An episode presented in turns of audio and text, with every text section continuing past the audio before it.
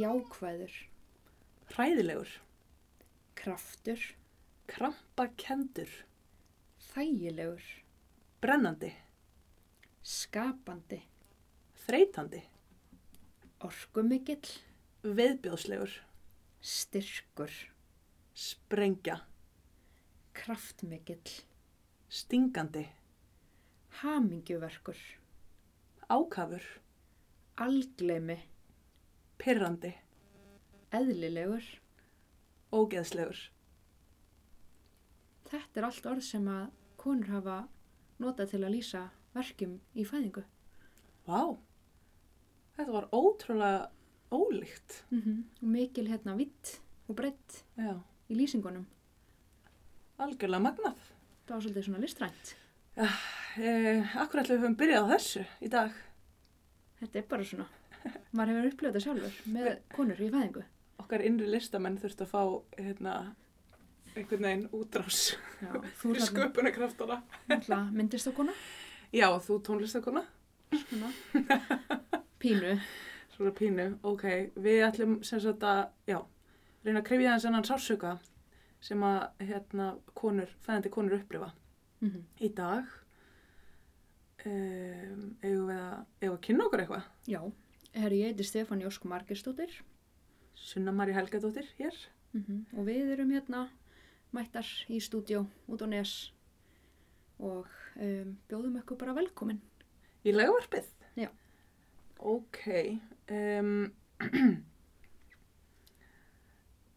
já, bara það að konur hafi einhvern veginn verið að glíma við sársöka sem tengist því að fæða, fæða börn. Það er nú eitthvað sem að einhvern veginn, það eru til mjög gamlar heimildir sem að lýsa, lýsa þessum, þessum þjáningum fæðandi kvenna.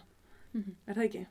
Jú, það er hérna kannski fyrsta heim eða svona, já, það er sem sagt ein af svona elstu heimildinum er í raun og veru biblían.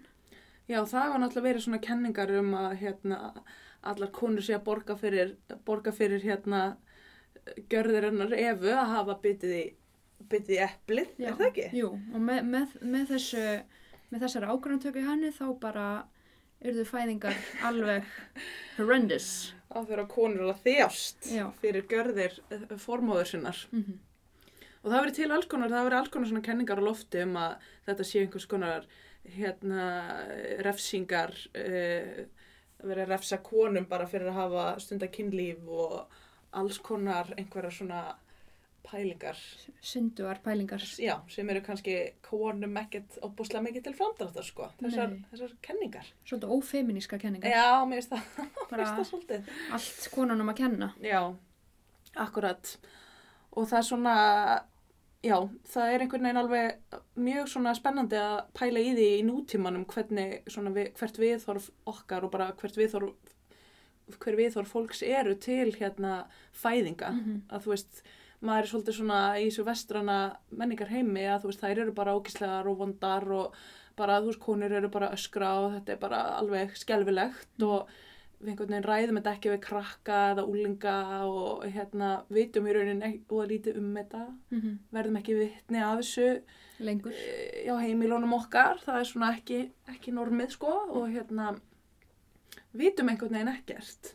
Og erum bara með þessar einhverjar svona klippur á, í huganum frá einhverjum, Sjónvarpstáttum einhverjum sjónvarsáttum, og kvikmyndum og Mhm. bókum og sögum og og þá kannski getur maður alveg skilið af hverju hérna sumir eru með þessar hugmyndir um að bara af hverju óskopunum eigu að vera að finna til og bara með nútíma læknisfræðinni af hverju bara getum við ekki bara algjörlega deft okkur í gegnum þetta og Mhm. af hverju eru við ekki búin að finna einhvers konar betri leið út úr þessu en að þurfa að finna upplega sársöka þegar við erum að fæða barn.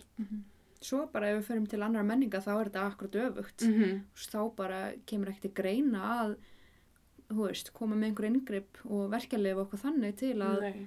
hérna, deyfa konur en eitt þannig. og hinn fæðandi kona er einhvers konar gyðja sem að veist, aðrar konur kannski snúast í kringum og, og, og svona svolítið svona upphefja og meðan hún gengur í gegnum fæðinguna sína og það er talið bara að vera að veist, fæðingin sé að búa til þetta gríðalega sterka, veist, þessa tengingu Mhm. móðurinnar við Já. barnið og við getum ekki trubla það með einhvers konar yngrippum og, og emitt Já, einmitt. Já.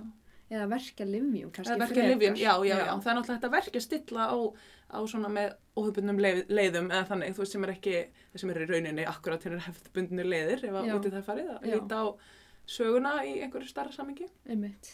Það er einmitt svolítið svona áhugavert að í til dæmis Japan Mm -hmm. uh, þá, þá er ekki bóði hérna, í, í raun og veru verkastilling með livjum Á einhverjum ákveðnum já, á svona fyrir heilbrið hrusta konur. Já, ok, þá bara kemur ekki til greina að þú veist, og þetta er líka viðhorf japanskra kvenna. Einmitt. þetta er ekki þú veist, í raun og veru það er ekkert verið að stjórna Nei, nei, nei, konunum. þetta er bara partur af svona... já, þeirra viðhorfi og okkur þannig. Já, já, Þannig að hérna, það er bara takast á við um, þessa mikla verki með þessum hættum sem að eru óhefbundnir eða hefbundnir, þú Mhm. veist, einmitt hvort fer maður út í raun og veru og hvað segir maður, en, en það er Mhm. þá eins og nutt og, mhm, og hérna um, bakstrar og, mhm. og svona stuðningur náttúrulega bara, fyrst og fremst kannski. Og maður náttúrulega hefur upplifað alls konar hérna núna, er þetta bara mikið fjölmenningar samfélag og að sem við búum í hérna Íslandi að maður er ofta að hitta konur úr sem er að koma úr öðru menningarheimi og þá er oft mikið verið að leita í,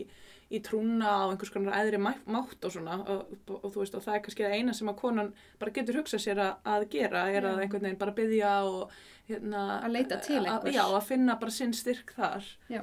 Einmitt pínufindin saga þegar ég var að vinna á hérna, meðgang og sængulegadeildin í sumar þá var ég að taka móti konu þanga niður, hún var nýbúin að fæða og það er alltaf gerð, gert svona örðstutt skýsla, þú veist, inn í bara rafrætni sjúkraskrá og hérna frá fæðingavaktinni bara, þú veist, hv- hvort að það hafi eitthvað einmitt komið upp á eða þú veist hvernig, hvaða verkefstillingu konan nýtti sér og að því það getur skipt máli og allt svona. Og ég var eitthvað óbúslega þreytt og las sem sagt hérna og þetta var erlend kona.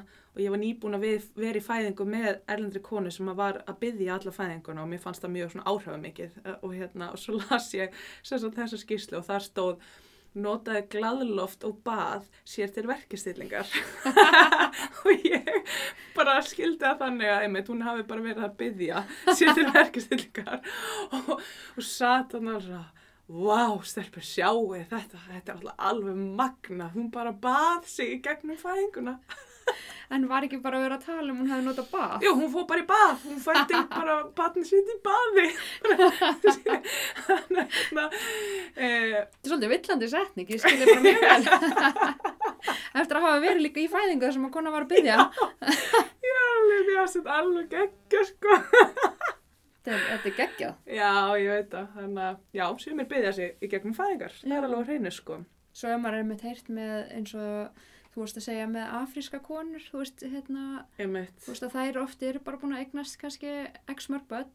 Og, og eru, þú veist, finnst þetta svo eðlilegu hlutur. Þær voru með þarna einmitt út í Svíþjóð, þá voru ég að hitta konur sem voru kannski sitt fjóra, fymta, sjötta bann, þú veist, fyrst, í fyrsta sinn í Svíþjóð og hefðu átt hinn bönnin sín í kannski Sómalíu, voru margar konur þarna frá Sómalíu og þær voru svona litu á okkur, bara svona, hvað er að þér kona? Þú veist, eitthvað hlaupandi hérna um einhverja hitapoka og reyna að stinga upp og eina þessu, láttum við bara vera, ég er fæðbann, þetta er ekkert mál, þetta er ekkert stress, þú veist, ég bara er ólétt núna og þú veist, hætti að gera svo mikið mál úr þessu, nú fæði ég bara mitt bann eins og ég hef alltaf gert Ekki að fyndi ef að konan er eitthvað, herðu, hægt að stressa þig kona.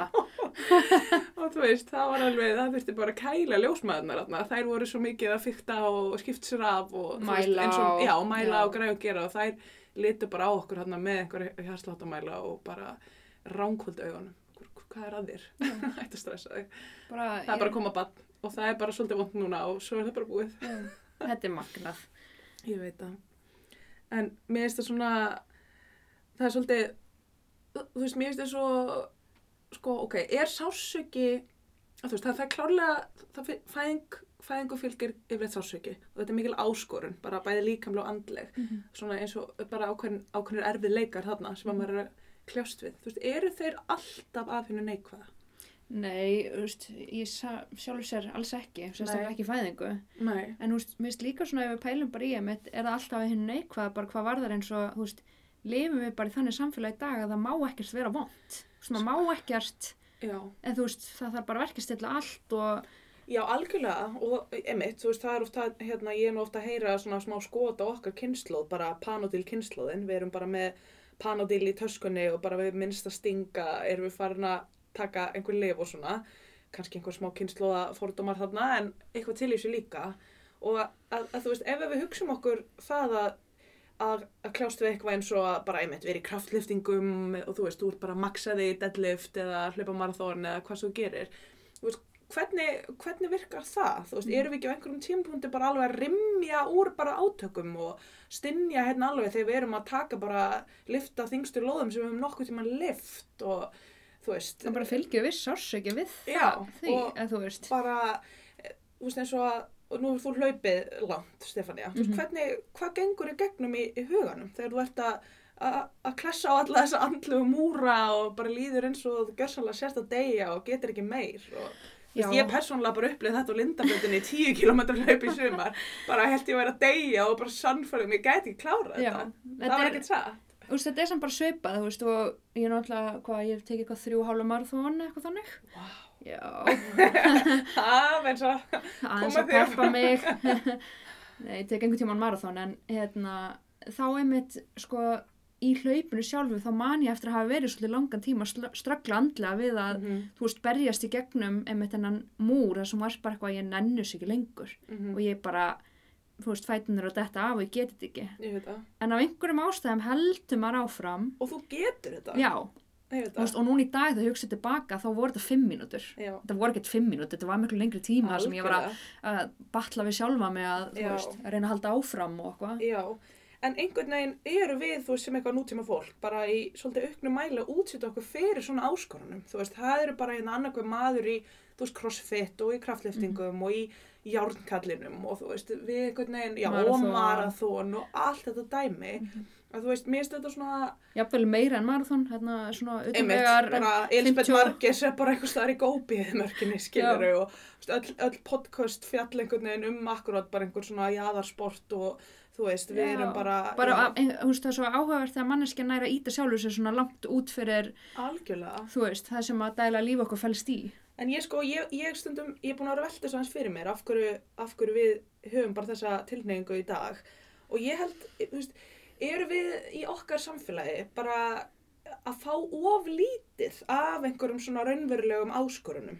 Þú veist, en skilur, þurf, þurfum við einhvern veginn núna í okkar frítíma að stefna okkur út í ískaldan, brimsaldan sjóin og þurfum við að, að, hérna, að þvinga okkur í allir þessi prógrum og allt þetta dót bara til þess að svona að upplifa það sem að frumaðurinn gerði bara daglega þegar hann hljópi yfir einhverjar hæðir og fjöll og fyrnindi í leita æti og, Og burt frá ljónunum Já, og akkurat. algjörlega. Ég held að sé klálega svona ákveðn ástæð en ég- líka sko ég held að við lifum á þeim tíma sem að þú veist, þú ert svo langt inn í tækninni og þú ert svo langt inn í því að, að hlifðið þitt sé svo auðvelt. Þú veist, þú, þú hoppar út í bíl og keirir í rektina, þú veist, og lappa nokkuð skrifast komin inn. Fólk nota bílinn sinn sem úlpu í dag. Algjörlega. Já, Þú veist, þú ert með endalus og ótakmarkan aðganga að upplýsingum. Eitt fyrir bingo. Veist, við getum ekki rökrætt neitt í raun og veru í lengri tíma þegar við googlum bara hvor hefur rétt fyrir sér. Veist, það er engin áskorun í samræðum lengur, liggur við. Þú veist, ef maður hugsa þetta út í bara það langt. Akkurat. Að, þú veist, ma maður, það er engin áskorun í svo ótrúlega stóran hluti á lífin okkar að við þurfum að áskora okkur að, fara í þennan sjó, í sjósund að, í mínus, þú veist, tveggja gráðu hita eða kulda, Já, já, akkurat. bara í allandshafið og, Akkurat. Bara til að finna bara pumpuna pumpa og bara að okkur langi til að bara lifandi. og bara finna hvað, hvers við erum megnug og að því að þú veist í kjölfarið upplifum líka við erum stærri, við, við þólum alveg ótrúlega mikið og, og einmitt, okkur langar bara að öskra og þennja lungun úr einhvers konar allsælu og endorfín Já. nýmu, bara eftir að hafa tekst á við eitthvað svona. ég var einmitt hérna, er núna í ekkert rosa góða hlaupaformi en ég hljóp fjóru kílómetri morgun, fjóra hálfa. Aldeileg sem stelpan er að gera góða hluti. Hérna, Ég fór alveg í kaldabóttin í gerkvöldu líka, bara svo það stekki fram. og ég sko, ég var svo fyndin, ég var að hlaupa og ég var að koma hérna fram í húsinu mínu og ég setti þú veist svona hendina mínar upp. svona eins og ég væri að hlaupa í gegnum, mark bara. og, já, bara í marathon hlaupi. bara fyrst í mark á olimpíuleikunum. Já, sem ég náttúrulega er aldrei að fara að verða en, en þú veist, ég fann bara, þú veist, mér langaði að upplöfa einhvers konar persónulega sigur út, af, út úr þessum fjóra háls kilometra hlaupi sem þú gerðir. sem ég gerði, þetta var rosa frælsandi Akkurat. En sko, mér finnst það svona, uh, af því að við höldum þessari marathón líkingu okkar áfram, sko, það væri engin marathón í dag óundabúin. Heldur það? mjög fáir, þá er þetta eitthvað svolítið svona mannist Já. dæmi, Eða, þú sko veist, svona öllu jöfnu, þú veist, maður Já. mætir ekki á kraftliftingamót og ætlar að keppa hérna bara, þú veist, einhvern veginn, bara á þess að hafa nokk tíman snert lóð. nei, nei, nei, þú veist, og, og það er svona bæði bara líkamlegur og, veist, andlegur undirbúningur sem að felst í því að takast á svona stóra áskorun. algjörlega. Þú veist, að einmitt hlaupa marathón eða fara einhvern mm eða, þú veist, bara, við vitum það í dag að, allir sem eru bara einhvers konar landsliðum eða einhverjum úrvalshópum í hverju sem þeir eru að takast á við að það er alltaf verið að leggja meira og meira áherslu á en hérna andlega undirbúning, og allt svona. Algjörlega. Að, veist, e- að sjá sjálfa sig fyrir Já. hlaup í mark getum við, já neina ákvæmlega sko. En getum við sagt það saman fæðinguna?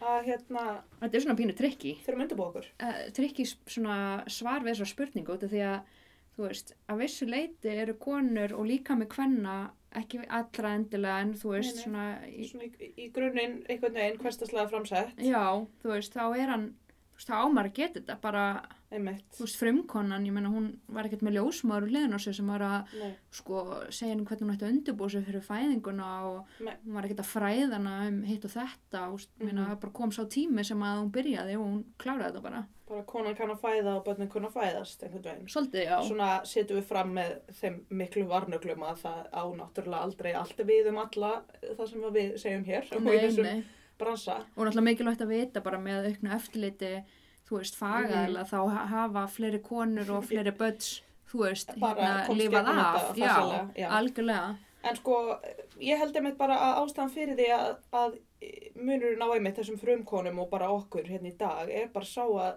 við erum, við erum bara með svo mikla raukugsun og lifum í svo, þú veist, við erum í rauninni búin að bara, þú veist, við erum bara með svo mikinn kvíða, þú veist, það er bara það sem að svona kannski skilur okkur að öllum öðrum dýrategundum sem bara fæða bönni sín út í runna og ekkert mál eða afkvæmi sín. Og algjörlega, raukhugsin okkar er raun að vera svo langt þróið þú Já, veist, og það er, það, kannski, það er kannski það element, þú veist, jafn gott og það nú er, sem að heldur aðeins aftur af fæðandi konu. Þú veist, þannig, eh, þú veist, getur gert það, af því að eins og við höfum nú útskýrt áður að um leið og við ræsum hérna í of, óhóflegu magni, hérna óta flóta fight or flight viðbræðið okkar, þú veist, sympatíska tögkerfið okkar tekur yfir og við erum að skinja óþarfa ógn og verðum óörug og allt þetta.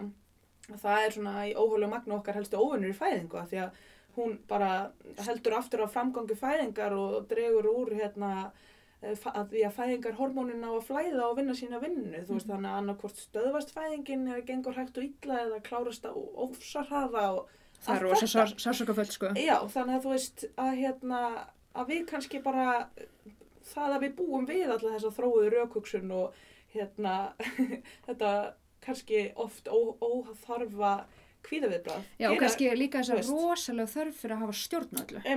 Veist, það gera kannski að verkum að við þurfum á, einhverjum ákveðnum undirbúning að halda. já, já, þú veist eins og maður segir þá, þá er alltaf gott að undirbúa sig, það er alltaf verið að leggja áherslu á, á það í dag að konur undirbúa sig fyrir Mhm. fæðingu, það er setja upp plan það séu búin að hugsa sér eitthvað Mm hvernig það er vilja hafa og gera sér grein fyrir sínu styrkleikum og, og svona, og makin sé undirbúin og makin og hérna, stuðningsaðlinn sé undirbúin líka. Sko, maður langar þess að taka fram í þessu samíki að þegar við erum að tala um hennar undirbúning, erum við, erum við allavega ekki að tala um þetta hérna að þú sést búin að fara á námskeið þar sem þeir eru sagt hvað að vera í spítaltöskunni, þú veist, svona margar grísjur og svona margar samfellur. Þú veist, þarf, þú veist, þessi undirbúningur þarf ekki alltaf að fara fram í formi námskeiða eða að lesa bækur eða annað. Þú veist, sumir eru bara lifa í rauninni þannig lífstil að þeir kannski eru bara vel undirbúnir af því að þeir yfka hugleyslu, eru í góðum tengslu við sinn líkama og hafa þar leðandi bara trú á einn getu og gott sjálfströst þegar kemur þessu verkefni.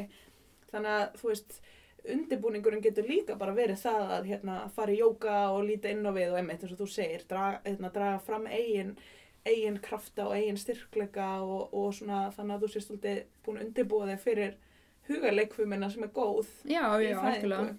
Bara sjá sjálfa sig fyrir sig geta fætt barn er Akkurat. ákveðin undirbúningur að, að, að sko bara hafa trú á sjálfu sér getur uh, framfleitt manni svo ótrúlega langt. Já, það er alveg satt. Svo er það náttúrulega líka, ok, þú veist, eru allir verkir undir, getum við sett alla verkir eh, lífsins undir sö- sömu hatta eða sama hatt hérna? Nei, alls ekki, sko. Mér finnst oft svona, mér finnst oft fara svo í taugarnar á mér og ég veit að það óviðu margar aðra ljósmaður þegar það er verið að líka fæðingaverkjum bara við hérna það að, bein, að, beinbró, að þú veist lendi beinbróti eða bara einhver sker á þér hendina eða eitthvað að hérna að þar er engin að, hvetja til sum aðferð og við hvetjum til við að takast á fæðingaverkja því að þetta er ekki að sama, er það nokkuð? nei, bara, þetta er einu verkefni sem að eru af ástæðum og eiga að vera til staðar. Einmitt, þetta er svona einu verkefni með tilgang Já. og. Með rosa miklum tilgang. Auðvitað eru allir verkið með tilgang og það er að láta vita já, já. þú veist, þurfir að taka hendina af hellunni. Einmitt, já, já, já, já, einmitt, einmitt, sem betur fyrir. sem betur fer, þú veist, maður hefur heyrt um fólk sem er ekki með þessa sásöka skinnjun og það já, já, það þarf náttúrulega bara að deyr. ganga um í einhverjus konar hjálma samfellu, eða þú veist, bara, samfesting. já, einmitt, það, það er mjög hátíðni, sem sagt, dauða hjá, hjá þessu fólki, sko, já, já, æj. já, en, en kannski, æj, æj, æj, sorry, þú var svo fyndin bara, Já, en hérna...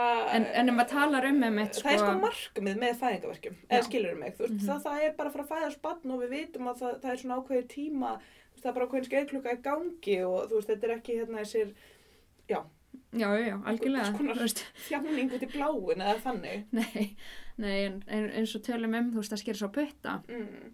veist, þá fara af stað bara svona, veist, það eru taugvendar sem skinni þetta og það fyrir af stað bara búið til heilan sem að, þú veist, það er eitthvað sem að er í gangi Mhm. og við fáum sásöka skilabóð tilbaka til vöðvan okkar að kippa einmitt Mm hérna hendinu frá og nuttana, þú veist, og það er svo mikilvægt, veist, að nuttana hérna pælingin, sko. Já, þá Um, eru raunin að koma að einhverju öðru áreiti en bara þetta er vont, þetta er vont, þetta er vont, heldur hérna, já, það er eitthvað að snerta, þú veist, það eru að gera þá uh, skinn nefnana bara upptekna að því líka. og já, þar svona trubla aðeins þessi skinnbóð, sko, Mhm, Hvað heitir þetta þurru? Gateway of theory, eða sásöka gáttakenningin.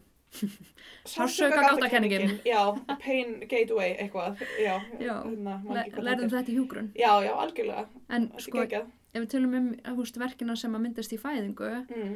veist, þá það sem að líkaminn gerir þegar við erum ekki í fæðingu og við uppnum sásökar er að reyna að stöðva sásökan með því að, þú veist, komast að bólgu, myndandi efnum Einmitt, og, einmitt, einmitt. og sko loka sárinu Byrja strax að reyna að vinna á áverkanum, þú veist, Já, alltaf já. bara þetta negativ feedback hérna, við erum alltaf að reyna að ná Jafnvægi. Jafnvægi aftur mhm. á eðlilegt ástand. Já, En í fæðingu er þetta svo áhugast út af því að þar í raun og veru um, heldur þessi ringur áfram Mhm. í raun og veru og þessi sagt, ringur stoppar ekkert fyrir en að, nei, fyrir en að fæðingin já, og fyrir en að fylgjufæðingin er búin Þetta er svona, já, þetta ringverkandi ferli sem að magnar í raunin alltaf bara, þú veist, Þú færð bara meiri- já. já, veist, þetta stöðvast ekkert bara færð, þetta bara stöðvast þegar fæðingin er líkur Mm Algjörlega, Þú veist, það er svo magna, þetta er eina skiptið sem við fáum Mhm. í raun og veru þetta kallast jákvætt feedback já. Hérna, veit ekki alveg hvort að, að allir séu meðan þá en, en hérna, Jú, jú, það er allir með. Já. Sko, ok, en þú veist, maður er að fæða barn og það er, hvað, akkur er þetta vond? Hvað er, veist, hvað er vond? Hvað er að meiða og hvað? já og náttúrulega hérna, leiðið náttúrulega er að sko, legi vöðvin er náttúrulega að hérna, mynda gífulan samdrátt, þú veist, Mhm. við höldum þarna inni 3 til 4 til 5 kílógrömmum sem við þurfum að koma út já, akkurat. Og sko, leið er náttúrulega bara öll óleittu bumban á þessum tíma. Hún er, orðið opbúslega teikt og stórt Já. og þú veist, tekur bara upp eða allan kviðin okkar mm og þa þannig að það er að draga sér saman. Já, það er að draga sér saman, það er að mynda samdrátt Mm niður og Og það þarf bara að gerast, af því að það þarf að þrýsta barninu niður á leghálsin sem að þarf að gangi gegnum ákveðnar breytingar með því að, hérna, einmitt allt þetta sem við höfum talað um að styttast og þinnast Opnast. og opnast, þessi Já. útvíkun, hún þarf að eiga sér stað, annars kemst barnið ekkert út. Mhm. það eru oftast samdrættin sem veru, Mhm. mm heyrir maður að það verst, er, erfiðast. Og hvað er mann ílt þegar maður fær samdrátt? Já, sko, af því að hérna, líka með okkar er kannski ekki alveg eins sniður, hann í raun og veru kofverar svolítið stórt svæði fyrir eitt sásöka skinjunar hérna svæði, sem sagt. Ef þú upplifir sásöka í leginu Já, þá ertu með í raun og veru svipað upplöfun frá framan á kúlinu, Já. aftan á hann í mjóbækinu einmitt, einmitt. og niður svona hjá fótum hjá mörgum. Já, leiðir niður í læri og svona auðvitað vera með mér og allt þetta. Það sem Já. ég var að reyna að segja er raun og veru allt þetta svæði, þú veist, sömu sásökabóð fara upp til heilans. Þannig að þú, þú, þegar þú ert með verk í bakinu, þá Mhm. er upprunnin samt frá leginu. Þannig að veist, líka minn bara getur ekki greint úr hvaðan Mhm. sásökin er að koma. Nei, nákvæmlega. Sama eins og þegar fólk fær hjartáfall þá já, já, upplifir já. það þarna í verki og einhver staðar, annar staðar og allt þetta. Já. Já, nákvæmlega. Þannig er, þetta er svona áhugavert að, Já, nákvæmlega og, og það er svona einmitt, það er svolítið stort svæði sem getur orðið þarna undirlagt bara þegar það eru komnir þessir kröftu fæðingaverkir mm eða hríðaverkir -hmm.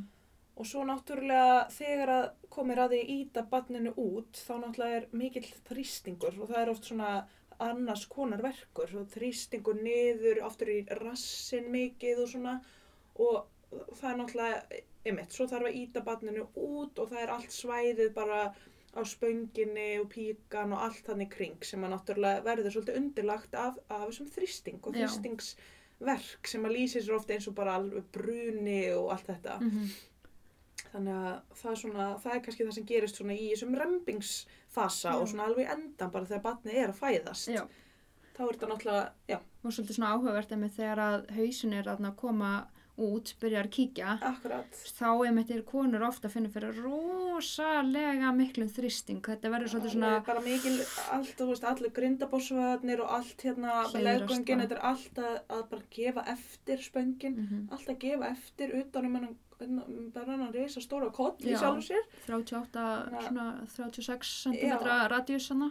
Akkurat. Og svolítið svona áhugavert að ákveðin tímapunkti þegar kollurinn er komin með hvað mesta þvermálið út, Já, að þá klemmir hann taugarnar. einmitt. sagt, Þú veist, það verður ekki lengur, skil, það fara ekki skilabú til heilans um þennan sásöka. Það verður ákveðin deyfing í Já, sjálfum sér. já, sem er svo magna því maður hefur séð þetta oft í fæðingum að Mhm. þú veist, þegar hausinu komin svo langt út að þá einhvern veginn á konum ofta slaka á. Já, oft er alveg ótrúlega kyrð, þú veist, á, á milli hríða á þessu stíi, Mhm. mm því að maður hefði haldið kannski, eh, þú veist, að þetta væri alveg bara að, að allir að vesta. Það, kannski, það er ekki allir sem uppláða þannig, sko. Nei, mest flesti segja hríðaverkefni séu Já. alveg bara by far Og verstir. ef að maður þarf að- gera hérna klippingu á spöng, eins og stundum er gert í fæðingu, að þá er hérna, eh, ég var ræðið um daginn, að þú veist, þá er reynd náttúrulega alltaf það tími til að gefa svona staðdefingu hérna í spönguna, bara sprauta, uh, en eins og hjá tannlækninu. En svo var verið að ræða það akkurat að, að þú veist, hríð er samt besta verkistillingin Mm ef það þarf að Og gera þrýstingur frá Af því að kollinum. þú veist, það er bara þrýstingurinn. Hann er bara það mikill að eins og þú ert að segja, það verður bara ákveðin dofi í svæðinu. Þannig að uh, svæðið þólir þetta. Já, sjálfsér. þegar að hausinu komið svona Já. langt niður. Og það séu verkið síðan kannski bara eftir fæðinguna út á þessu öll saman líka. Algjörlega. Já. Mér er svolítið svona kúla því að ég glemdi að nefna áðan með Já. þarna þegar vorum tala um sársauka gátta kenninguna. Já, já, já, já. Þú veist að því núna erum við einmitt að tala um ákveðnar verkjastillingar, Einmitt, þú veist, í einmitt. fæðingum Einmitt. og þarna, þú veist, ljósmaður náttúrulega hafa verið hérna ótrúlega duglegar í að vera með óheðbundnar hérna verkjastillingar Mhm. eins og það er Sem dag. við viljum gerna kalla hefðbundnar. Já, en þú veist, það er ekki... Já, já, veist, það er svona eins og heiti bakstrar og kaldir Akkurat, bakstrar og akkurat. nálastungur. Mm halda, Nutt og þrýstingur á mjöðmir og allt þetta. og halda á svona bolta með göttum. Einmitt, einmitt. Veist, það er einmitt bara nákvæmlega markmiðið að þú veist trubla sársökabúðin með því að örfa einhvers konar ann, annars konar skinnjun. Bara hita taugarnar hérna, og kuldataugarnar, mm Mhm. kuldanemarnir og hitanemarnir Mhm. og, veist, og með Þeir þessu verða bara, bara svo upp- uppteknir við það að skinja, að ógslag kallt, það er ótrúlega kallt. Þú veist að á ákveðin tím, tímpúndi myndast bara eiginlega eins og staðdeyfing, bara út frá kuldanum eða þá hitanum. já, þú ætla að hérna, fara færri skilabóð um sársökan frá Já. leginu sjálfu. Akkurat. Þannig að hérna, þetta er, nefnilega þetta er pælingin með, þú veist, bara þannig að allir áttu sig á því, þú veist, hvað við erum að reyna. og og þú veist, það fari í baði Já. náttúrulega, þú ert bara að setja þig all- allan ofan í hita, þannig að Mhm. þú veist, það er ákveðið svona að það getur bara verið heilmikil verkefstilling, fólkinni að vera í baði og Geta hreift sig auðvöldlega. Já, fyrir utan það náttúrulega.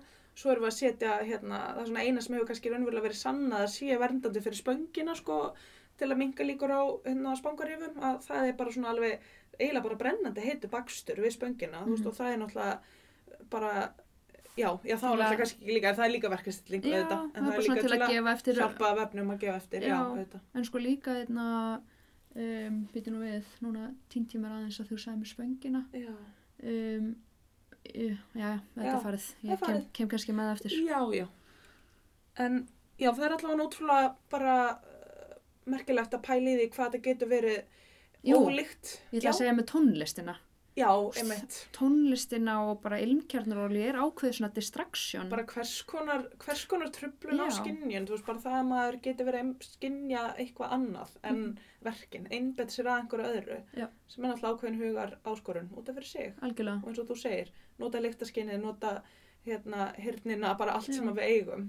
Og þú veist, margi sem mögulega hugsa bara, ok, hvaða prömp er þetta, virkar þetta í alvörunni? Já.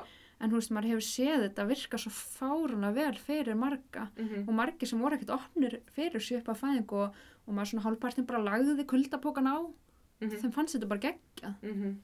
Já, algjörlega. Já, bara ótrúlegt eins og vorum að nefna í byrjun hvað það eru mörg ólíka orði í þessum banka sem að fólk, konur hafa notað til að lýsa og e- einmitt við allan og svona við erum ekki lítið úr þeim konum sem að hafa hérna meiðandi og bara skelfilega upplifun af þessu það er því miður alltaf af og til þannig Já, við erum ekkert að segja að þeir hafa ekki undirbúið Nei, sig að það þýðir ekki að þær hafa verið farið um, ekki með hausinn rétt stiltan inn í verkefni, það þýðir það ekkert að þú veist, bara það er hægt að segja bara góður, á ekki svo góður íslensku bara shit happens, stundum er það bara þannig eitthvað kom upp á eða eitthvað eitthvað skiljið, þú veist, það er bara það, þetta er svona, það er margt í þessu Algjörlega það er alltaf til frávik í öllu. Já, en við samt sem áður höfum gríðarlega trú á e, mætti hugans og un, í undirbúningi í, þegar að fæðingar eru annars vegar og svona hvernig bara okkar hugmyndir um fæðingar og sársöka í fæðingum, hverjar þær eru. Svona viðhorf. Já, þú veist, það að maður búi, búi sig eitthvað örlit undir að hvernig þetta er. Því þú veist, eins og, þú veist, talandi um öskrin, að þú veist, þegar maður er í fæðingu og, þá er það, þú veist, það er alls konar hljóð sem að konan gefur frá sér eftir í hvað hún er í fæðingunni og það er oft kallað bara vinnurhljóð eða, þú veist, Mhm. hvað sem er, þú veist, ég held bara alla dýrategundir, þú veist, það heyrist í örgla öllum þegar þeir eru að, að fæða afkvæmi sín á einhvern hátt og, Þú veist, og ljósmaður vita nákvæmlega hvað Já. hljóðgefa til kynna hvers konin er komin í og fæðingu. það, já, það getur, maður getur lesið bara hljóðin sem bara, já, nú er þetta að gerast líklega og þetta og þetta og, og maður upplifir það yfirleitt aldrei sem neitt annað en bara að þetta er bara einhver partur af tjáningu kunnar hver, hverju sinni og þarf ekkert endla því að, að henni líði svo óbúslega illa þó hún sé hans að rimja og stinja og allt þetta, bara eins og hérna liftingakallanir í workclass, þú veist, það eru stunurnar endalösu, skilur mig, bara, veist, þeir eru bara að vinna erfiðis vinnu eins og þessar konur.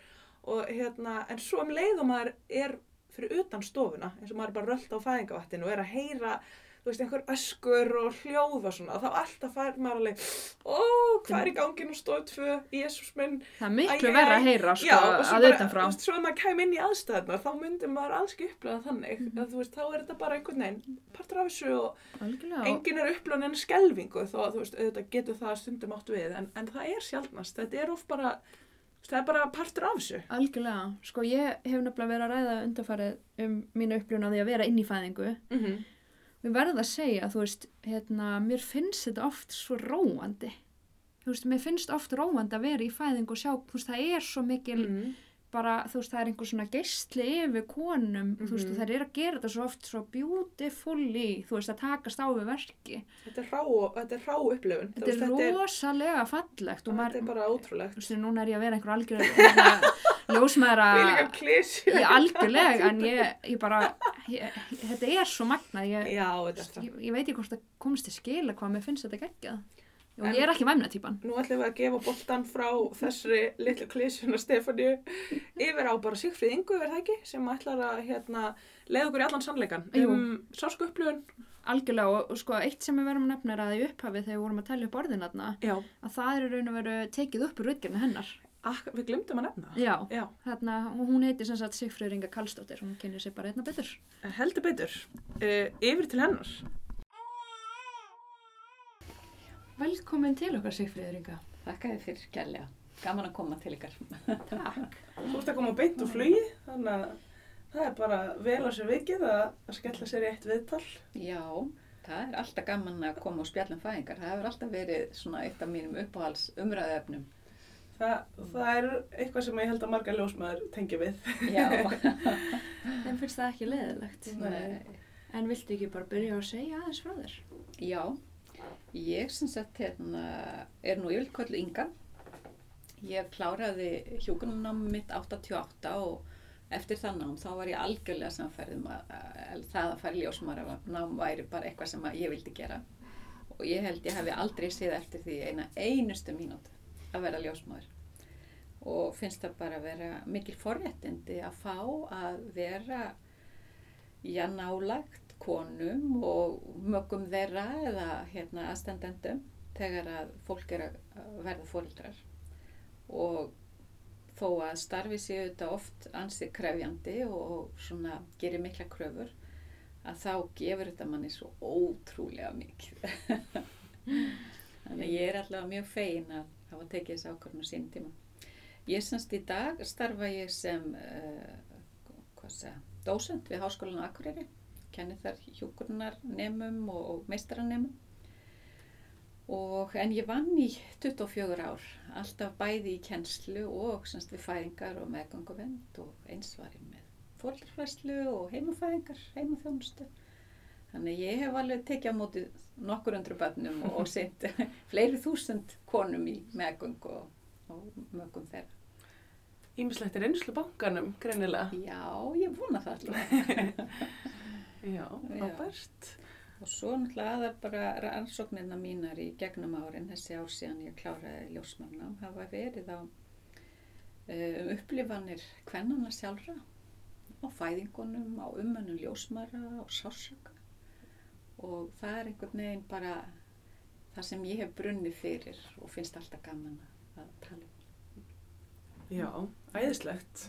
Það verður spennandi að fá að heyra eitthvað aðeins meira um það hérna. Það er náttúrulega margir sem að, margum sem finnst maður bara hálf klikkaður að hafa gaman af fæðingum og svona hafa einhverja, einhverja mynd af þessu að þetta sé bara hræðilegt og vond og, Mhm. og alveg ómögulegt en Mm. okkur einhvern veginn sem erum að, að læra þetta finnst það náttúrulega ekki. Mhm. Hva, hvað svona, hverju hefur komið stað í sambandi við, við sársökan og fæðingarnar Já. og þessu upplifun? Sko, fyrst kannski, uh, ég ætla kannski að taka undir að ég hef alveg verið spurð að því hvernig ósköpunum getur einhver haft gaman að því að, að sko vera viðstættur þegar konur er að fæða börnin sín. Og gjarnan held ég það sé kannski bara einhverjir sem spyrja þannig sem að eru bara að horfa á sársökan einan og sér. En fæðing bars er svo mikið, mikið meira heldur en bara sársökin. Og rannsók sem að ég byrti í bresku tímariti fyrir sko rúmum 20 árum þar sem ég tók viðtal við, viðtöl við konur um fæðinguna að það kom fram að sko sásökin er bara einn partur af þessu. En það er svo margt annað sem er svo sterk og bara upplifun sem þær gleyma aldrei. Og uh, ég man eftir lýsingum þar og orðum sem konur notuðu til þess að lýsa sásökanum sem er svo ólíkt öllu öðru sem að þú myndir nota um sásöka ef þú hefur fóbrotna eða verið með hausverk eða túrverki, þú myndir aldrei nota svona orð eins og marga konur notaði í þessari rannsókn til þess að lýsa sásökanum og svo líka bara hvernig það er hvernig það lístu í raun og veru hvernig þeim líður á eftir. Þegar það voru búin að koma sér í gegnum þenn, þennan sásöka í kannski marga, marga klukkutíma þá lístu þær gert svona mér leið svona eins og ég væri búin að sko fara í fjallgangu væri búin að púla og púla og stundum langaði mér svo að gefast upp. En sko þegar ég var komin upp á toppin þá bara stóð ég bara með hendurnar út réttar og bara langaði að orga, ég var svo ánað með sjálfur mig. Og þetta er einhver tilfinning sem að mjög margar konur lýsa. Og sumar konur lýsir þannig að sko fyrst ég komst í gegnum þetta þá get ég tekist á allt í lífinu.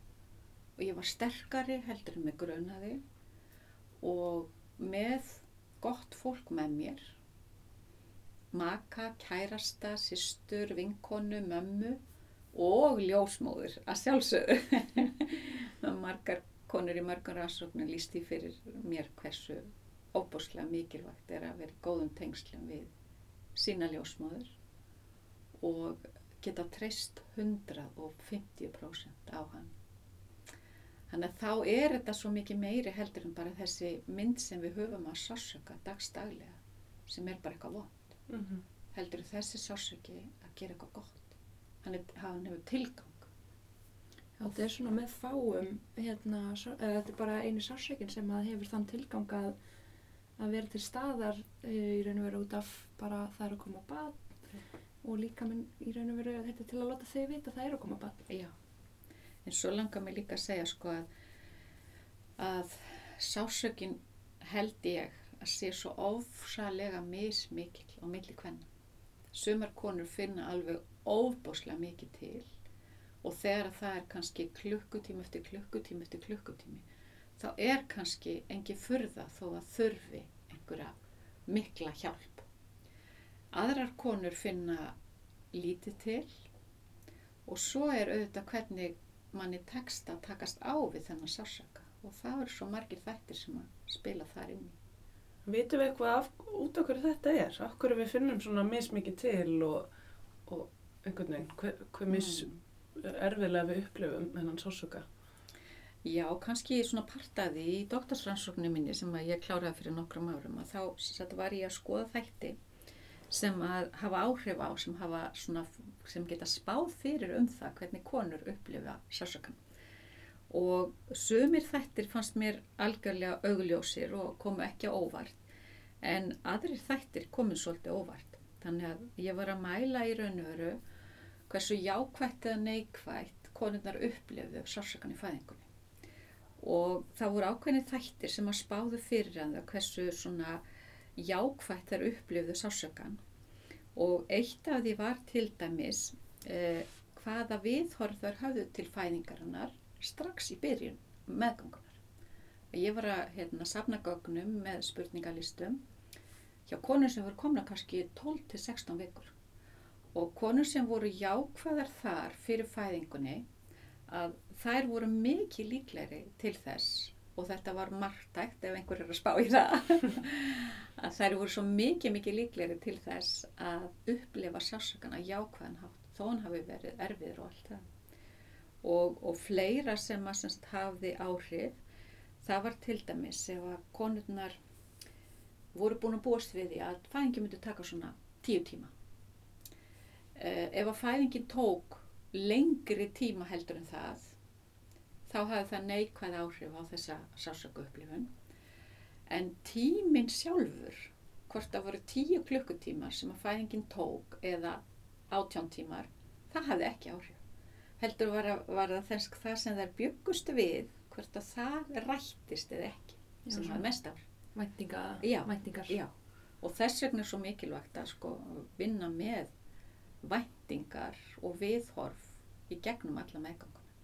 Því það þýðir kannski ekkert að vera að gera það þegar konur komnar inn í fæðingu. Þá eru þær busy við annað. Mhm. Þá eru þær að- að koma sér í gegnum þennan sásöka með því sem að þær þurfa til þess að gera það. Já, það, þetta er bara ótrúlega áhugavert að Mm. hérna, heyra hvað þetta skiptir, verið skipta miklu máli, hver, hver, hver, hver stemdur maður er þegar maður er. Já, bara hverja manns stað. eru. Já. Mhm. Og kannski bara strax í uppa við þetta er svona ágætis punktu fyrir ljósmaðra sem er, hérna, ljósmaðra sem er í meðgönguvend. Að taka þetta spjall. Já. Bara sem fyrst. Já. og eitt af því sem að kannski gott að komið fram líka og svona eru þetta mjög ánægilegt fyrir ljósmaður að, að það hversu mikinn stuðning konan skinjaði sig að hafa frá ljósmári sinni hvert að hún uh, hvert henni fannst hún verið í góðu sambandi við ljósmárina sína og meðan á fæðingunni stóð hvert henni fannst hún vera örug í höndunum á henni og geta verið hún sjálf að það hefði mikil áhrif á það hvernig hún upplifið sásöka Mjög, mjög áhugavert. mm -hmm. Erum við að, þú veist, erum við þá að tala um einhvers konar svona, þú veist, að lífælisfræðin komið þarna inn í að, að Mhm. þú veist, að fæðinguhormónin fái þá að vinna betur og endorfínið að flæða betur sem veitir þessa velliðan í pásunum og svona, eða Mhm. er þetta meira bara svona ykkur, ykkur félagslegir þættir? Mm, Þetta er bara hægt að mæla þetta í raun og veru með pr- blóðpröfum. Bara stress, hvernig streituhormón hefur áhrif á losun á hormónuna sem að í raun og veru hvetja bæði samdrættin áfram Mm. og endorfínin sem eru okkar svona eigin svona verkja stillandi efni sem að við framleiðum í miklu mæli þegar við finnum mikinn sársöka og ef að við erum hrætt, ef við erum ekki örug ef við erum hrætt um líf okkar eða bassins okkar að þá slekkur það algjörlega á þessari losun og þessari myndun á endorfínunum. Eða mjög, minkar það mjög mikið. Og þess vegna er svo mikilvægt til dæmis þegar að til dæmis þeir eru ekki samfella í þjónustunni, þeir eru ekki sama ljósmóður sem er kannski búin að kynast konunni í gegnum alla meðganguna og tekur svo móti hjá henni sem er á mörgum minni stöðum út á landi. Að þegar það er ekki til staðar þá skiptir svo miklu máli að þegar konunar koma inn á fæðingadildina, hvað sem það er ef að, ef að konan þekkir ekki ljósmóðurna og ljósmóður þekkir ekki konuna að þessi stund sem er gefin til þess að tengjast, til þess að horfa í augun á Mhm. hver annari, til þess að skapa tröst á milli ljósmóðurinnar og konunnar og makans eða aðstandanda, hver sem það er, að það þarf að gefa góðan tíma til þess að mynda þetta samband, þetta tröst. Mhm. Þannig að yfirsetan skiptir svo rosalega miklu máli Mhm. við getum ekki sem ljósmaður bara ætlast til þess að allir trist okkur og nota benni fyrir lífinu sínu og barsinsins Mhm. án þess að við séum búin að tengjast fólki á einhvern nátt. Ná, það er bara hægt að nota þetta þegar maður er að raukstiði af hverju það er mikilvægt að hafa einhverja ákveðna mönnun á fæðingadeildum og eitthvað svona af ljósmaðurum, að- bara hvað þetta er mikilvægt. Já.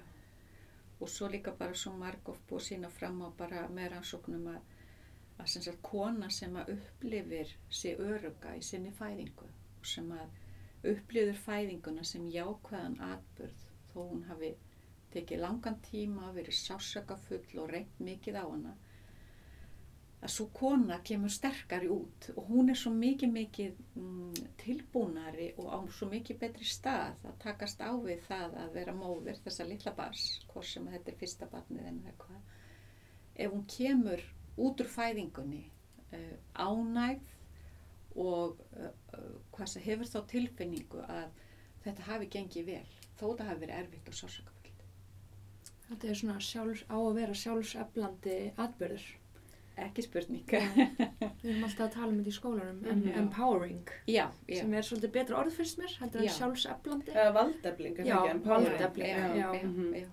og þetta náttúrulega þarf að vinna með sko finnst mér, mér finnst að þetta eigi að hafa forgang í meðgöngu vend Mhm.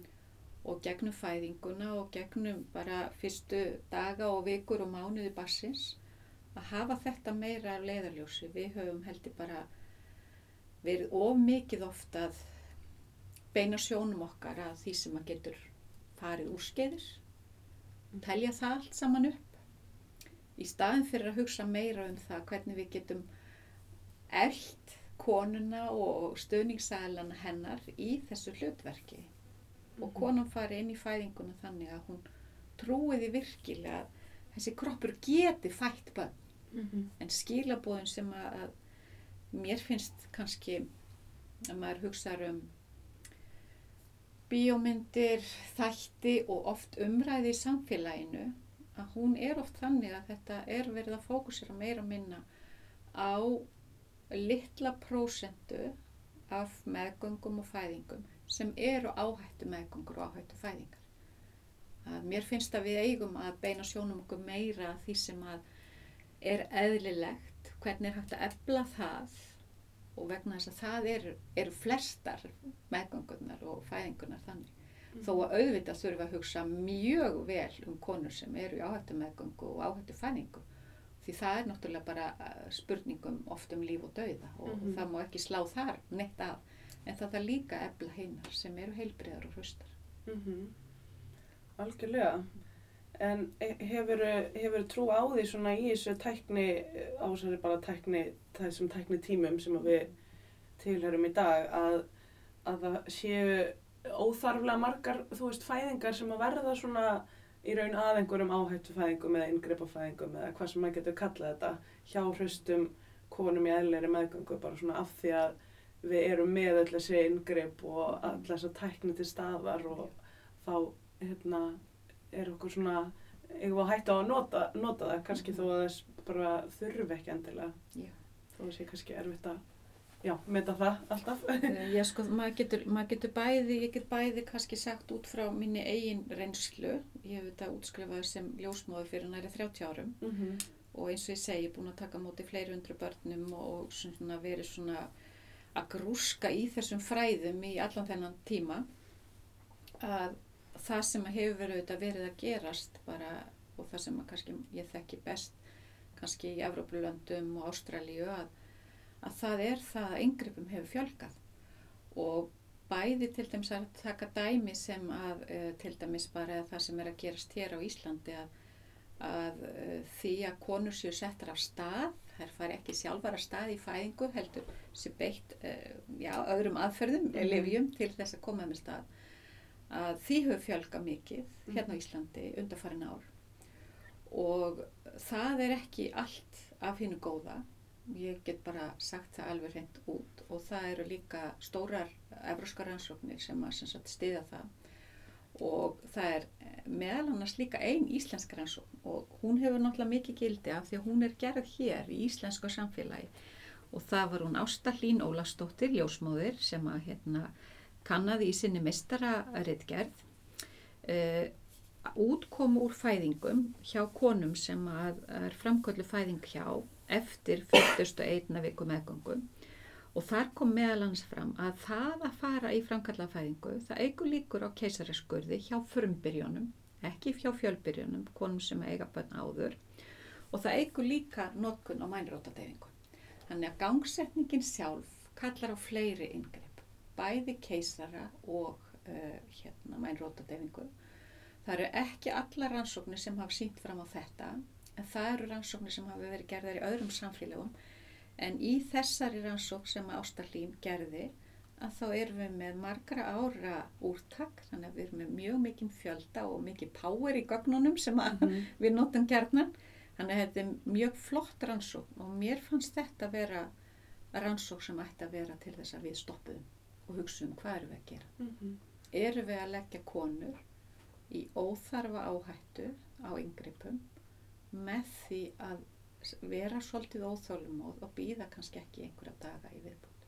Mhm. Það er engin að tala um að býða endalust eða býða lengur en 41,5, 42 vikur vegna þess að það hefur sínt sig að getur verið hættulegt og það er engin að mæla með því.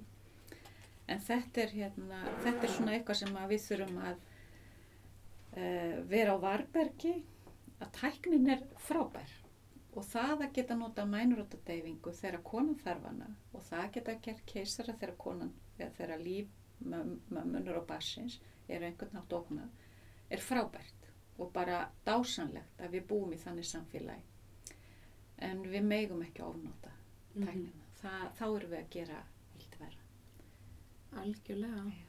Það er einmitt hérna, um, vorum að gefa upp, eða vorum, sagt, voru komið niðurstöð frá hérna embætti landlæknis varðandi nótkun inngripa í fæðingum og þar er alveg svolítið svona sláandi háar tölu varðandi mænurótadefingu í fæðingu. Um, hva, hvernig var það? Var það, var það tæplega 60% hjá frumubyrjum? Ég held jafnvel herra. Nei, ég held að það verið 60%. Já, ok. Og hvað var það? 43, 3% hjá fjölbyrjum? Nei, bara yfir heldina, held ég. 45% yfir heldina. Já. Þannig. Ok.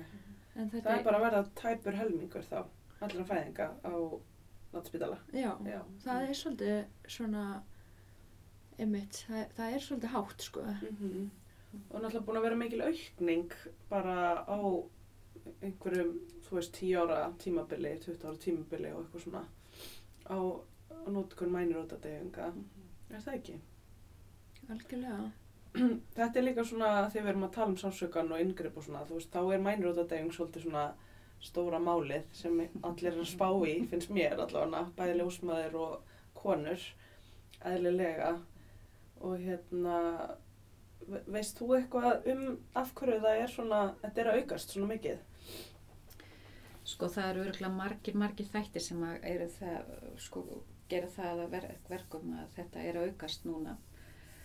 Og það sem ég hef alltaf sagt við konur, ég var lengi með uh, fóreldrafræsti námskeið í bóði á Akureyri, uh, sem sagt fyrir verðandi fóreldra, með jógakennara sem sagt með mér.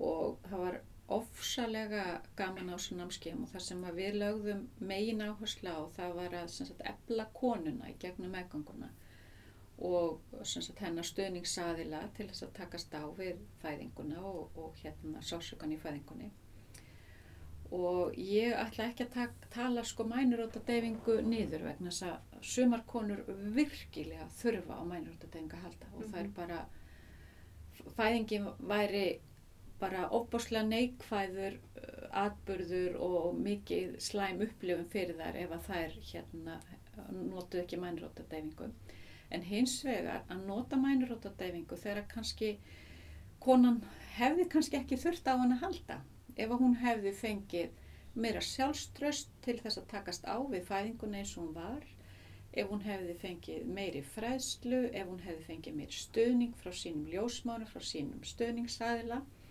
þá hefði kannski ekki þurft að nota hún hefði ekki þurft að nota mænröldadefinguna þannig að fyrst og fremst finnst mér þurfa að, að konan að fá góður upplýsingar og að nýta þetta sem að við getum notað Eh, og þá er ég auðvitað að tala um bara ró og frið.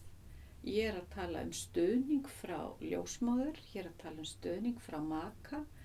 Það hún fái upplýsingar um hvað hún getur gert og það hún æfi sig til dæmis bara yfir meðganguna. Hvað gerir þau þegar þú sagt, ferði í slökun? Hvað gerir þau þegar þú lætur hugan þinn fara með þig eitthvað annað heldur en akkurat nýri í leiði þar sem þú finnur mesta sásökan og aftur í baki? Hvernig getur eld það í gegnum alla meðganguna til þess að nýta þér það þegar þú þarft á því að halda í fæðingu? Ég- og ég held að sé mikilvægt að konur hugsa þetta pínlítið svona svo verkfærakistu verkja meðferðina þegar þau fara í fæðingu. Þær geta notað það sem að þær þurfa þegar þær þurfa og þá byrja þær á þessu einfalda og reyna að nýta það eins lengi eins og þær geta. Þær byrja á öndun og slökun, þær byrja á reyfingu, reyfa sig, þær byrja á vatni og þannig er ég alltaf að tala um konur í eðlilegri heilbreyðri meðgang og fæðingu. Ég er ekki að tala um þessar konur sem að þurfa virkilega mikið eftirlit og yngripp því þær eiga auðvitað að fá það áfram.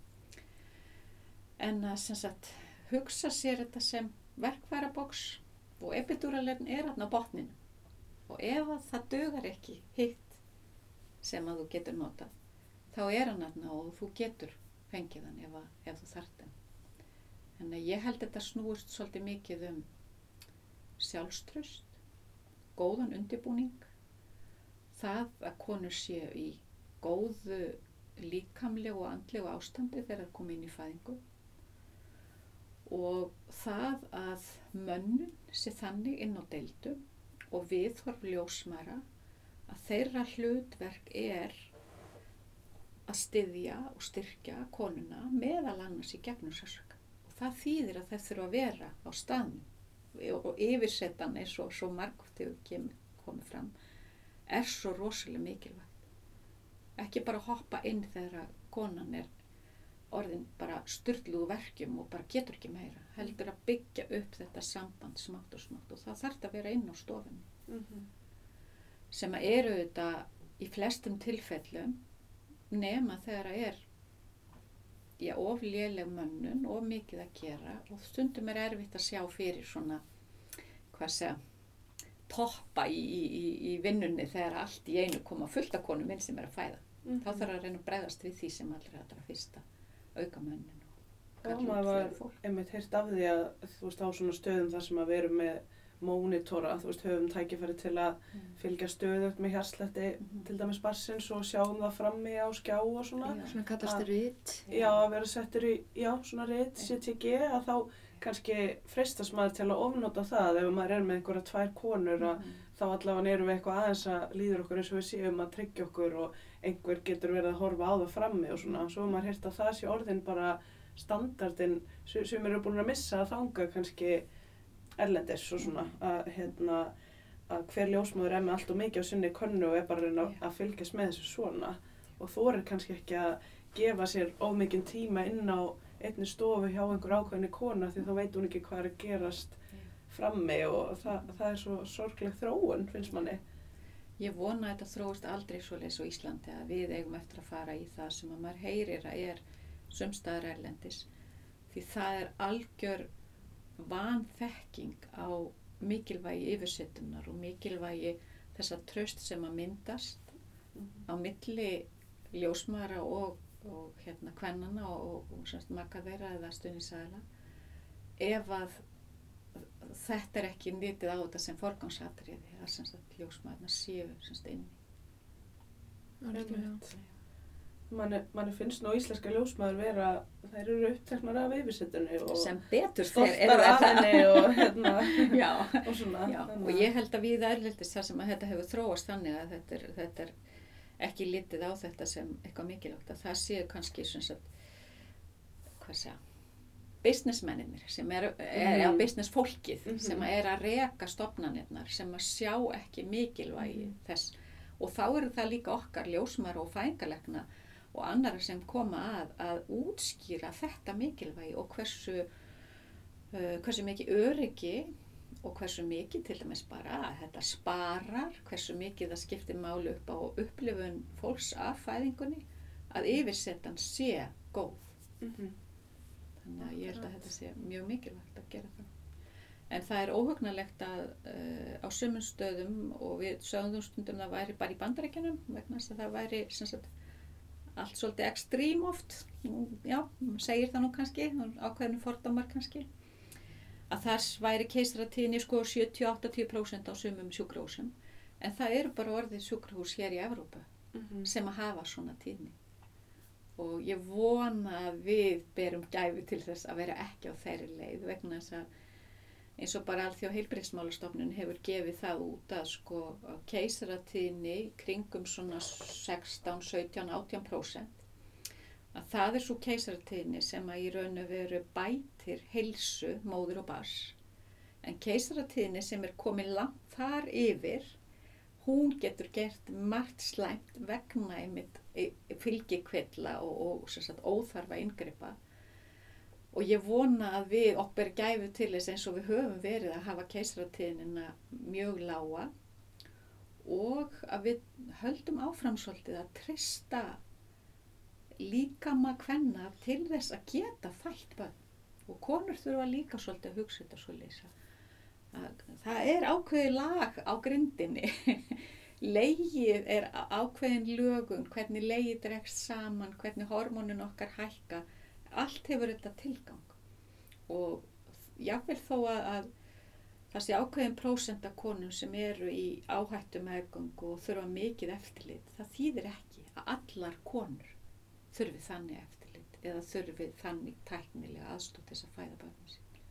Mhm. Og að við einhvern veginn komið þessum skilabóðum svolítið til ungs fólks í dag að líka minn er ansið vel hannaður þess að fæða börn í lang flestum tilfellum.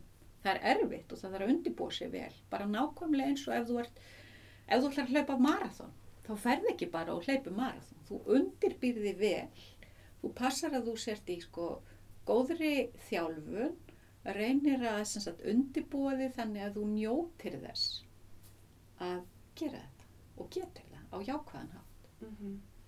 Mér finnst það einmitt sko, það er svo góðu punktur með að, að það megi alveg segja í samtali um fæðingar, þú veist, kannski á meðgöngunni að þú veist, einmitt, þetta verður erfitt, bara rétt eins og það er Já. erfitt að hlaupa marathón. Já. Mér finnst einmitt flott sem einn, hérna, kennara var að segja við okkur að hvernig hún talar stundum um þegar hún er að útskýra bara hríðarnar og svona fyrir fólki á meðgöngu, að þú veist, að þá var teiknarund upp eins og svona öldu eða Já. þú veist, bylgju á svona grafi og þú veist að maður geti, ok, prófa að búta niður, veist, hún er að hlaðast upp og eitthvað og eitthvað og svo er toppurinn, þú veist, kannski svakalega erfiður og hann er kannski 10-15 sekundur eða eitthvað Já. og þú veist að maður geti kannski tamið sér, ok, ég, ég þóli hvað sem er í 10 sekundur í senn Mhm. og að þú veist að hún, hún sé svona leggja inn að þú veist, fólk kannski reyna að nálgast þetta þannig Mhm. að hérna, að maður fari ekki bara að upplifa það er, þetta er óbærilegt alltaf, það er engin Mhm. pása, mér er illt allstaðar stöðugt og þá fer maður að upplifa kannski, Mhm. ég hef enga stjórn á þessu, ég bara næ ekki andanum, ég bara er að fríka út Mhm. að þú veist það er uh, til kannski alls konar svona leiðir til að undirbúa sig. Þetta er ákveðin huga leikfemi í raun og Mhm. veru og það skiptir máli að, sko konur séu meðvitaðar um það hvernig hugurinn hefur áhrif á hvernig maður skinjar, til Mhm. dæmis sársöka hvernig maður skinjar í raun og veru fæðinguna. Mhm. Og það er gott að æfa sig í því að nota hugan svona. Já. Og í einum af rannsóknunum mínu sem ég gerði í doktorsnáminu að þar kom með mitt fram, ég tók við til þess að við, við konur um hvernig þær hefðu upplifað sársökan í fæðingunni og þá voru konurnar að einmitt fókusera á pásunar Mhm. líka. Já. Að hvað væri mikilvægt að horfa alltaf á, núna er pása. Og reyna þá líka að vera í núinu þá. Já, já, þannig, já. En að vera ekki komin einu skrefi lengra inn í næstu hríð og vera kannski heldtekinn af kvíða Já. yfir henni eða þannig. Já, já. Og þetta er það sem að sko, sem sagt bara, já, margir svona fóreldrafræslu gúruar bara Mhm. í áratugi hafa bent rosalega á að sem sagt reyna að, að fókusera á ekki bara þessar uh, sko sekundur sem eru sásöka mestar í hverju hríð, heldur að reyna að horfa á þegar hún er að sko, hvað sem minka, Að líða úr. þegar er pásan, að það sé það sem við fókuserum líka á. Mhm. og svo undirbúum við okkur fyrir það með því að sko takast á við þetta sem er erfiðast. Með því að reyna að tæma hugan Mhm. og svo líka bara hugsa þetta. Sumar fæðingar eru þannig að konur getur gert þetta allan tíman Mm. eh, að hugsa um það sem er pásan á milli og hugsa um að, að einbeita særi að því að komast í gegnum hvernig, hverju eina uh, hríð. Eh, ef allt ínu kemur að því að þetta gengur ekki lengur að þær, sagt, þær, þær upplifa sig að þær séu bara búnar með allt það, þær bara get ekki, get ekki lengur. Þá ferði í verkværakistun og tekur það næsta upp til þess að hjálpa þær að komast í gegnum. Mhm. en þessi tilfinning að, að sásökin sé eitthvað sem að þær geta komið sér í gegnum og þær geti unni með sásökanum, með samdrættinum að það sé þetta- þessi líkil að því að komast vel í gegnum sásökan í fæðingunni Mhm. ef að hins vegar er bara já það lenda á einhverjum vegg það, bara, það get ekki meira það er bara allt í einu geta þær ekki lengur slakað á og missa einhvern veginn algjörlega tökin og þá verður að hjálpa þeim Mhm. í gegnum það Mhm. með þeim ráðum sem til eru hvort sem það er mænrótadeyfing eða bað eða nutt eða góð tónlist eða hugreisting eða hvað sem það er Mhm. að það er svo mikilvægt að þær fái aðstof þegar þær eða ef þær le- eh, hérna, lenda á þessum vegg. Já, mér finnst þetta einmitt sko uh, allar þessar pælingar með eins og mænurútadeyfinguna, eins og þú veist að segja sem er bara neyð verkværakistunni, Mm. en hún náttúrulega er í sjálfur sér meira inngrip en að fara í bað eða að já, fá nutt eða Mhm. hvað sem er, af því að við vitum að hún hefur bara ymsar aukaverkanir í för með sér, bara Mhm. er þetta eins og hún, það eru bara kostur og gallar við hana að, þú veist, mér er svo mikil kunst þetta að hérna, já, hún er góð þegar að þegar hún þarf, en við erum að ofnóta hana og da da da og eitthvað svona að þa- þetta er svo, þetta er svo svona Mhm. flókin millivegur einhvern veginn Já. hvernig veit maður, hvenær Sko, þú eigur bara líkurnar á því að þú vitir hvenar með því að vera semst í nánu sambandi við konuna, með Já. því að læra að lesa hana, Mhm. með því að vita hvað í raun og veru hvenar þú þarft að stíga inn og hjálpa já, og, og þetta getur ekki ef að, ef að ljósmaður er að droppa inn já, á fæðingastofu every once in a while eins og það stendur. einmitt. Þá getur þetta ekki, en þú Nei. þarft að vera í tengslum við konuna til þess að finna Mhm. hvenar þarf hún hjálp, hvenar Mhm. þarf. Og stundum finnur konan þetta sjálf og bara Já. segir bara, veistu að ég get þetta ekki lengur, þú verður að hjálpa mér, ég bara, nú, nú, nú verð ég að fá mænrótadeyfingu akkurat. Eða nú get þetta ekki lengur, nú, nú, ver, verð ég að prófa eitthvað annað, þá getur það verið kannski að fara í baðið eða koma fram úr eða fá nutt eða eitthvað slis Mhm. og, og sko það er svo heimin og haf á milli fæðinga Mhm. sumir tala um fæðingu eins og það sé bara einn staðlaður atbyrður og sásöka í fæðingu eins og það sé einn staðlað eitthvað en það er svo ofbúslega ólíkt og, og þess vegna er svo mikilvægt að bera virðingu fyrir þessu ferli og bera virðingu fyrir hvar hver og einn kona er stödd í sinni fæðingu hún getur búin að vera klukkutími í fæðingu og finnast, finna ekkert volið mikið til. Hún er alveg komin að því að fæða barnið sitt. Hún getur búin að vera heilan sólaring með ömurlega, hræðilega verki sem eru algjörlega að gera út af við hana. Þessar konur eru báðir í fæðingu en það er heiminn og hafa á milli hvaða aðstóð, hvaða ummönnun og hvernig líðan þessar tekja hvernig eru. Og við megum einhvern veginn aldrei gleyma því að mæta og aðstóða hverja konu þar sem hún er. En góður undirbúningur er bara, það er aldrei hægt held ég að gera svona, leggja og nógu mikla áherslu á það hvað er mikilvægt fyrir konurnar að undirbúa fæðinguna vel. Ekki bara að hugsa, þetta er bara eitthvað sem ég kemur og ég tekst át við þetta þegar það kemur. Mhm. En það að undirbúa sér vel, reyna að hugsa vel um líkamann á sér og hugan sinn og meðgöngunni, Mhm.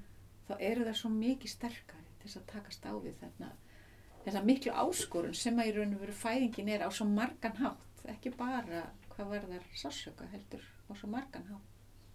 Algjörlega, mér finnst þeim þetta að vera svolítið svona menning núna, sem sagt, að ætla sér bara að hafa þetta allt opið. Mm.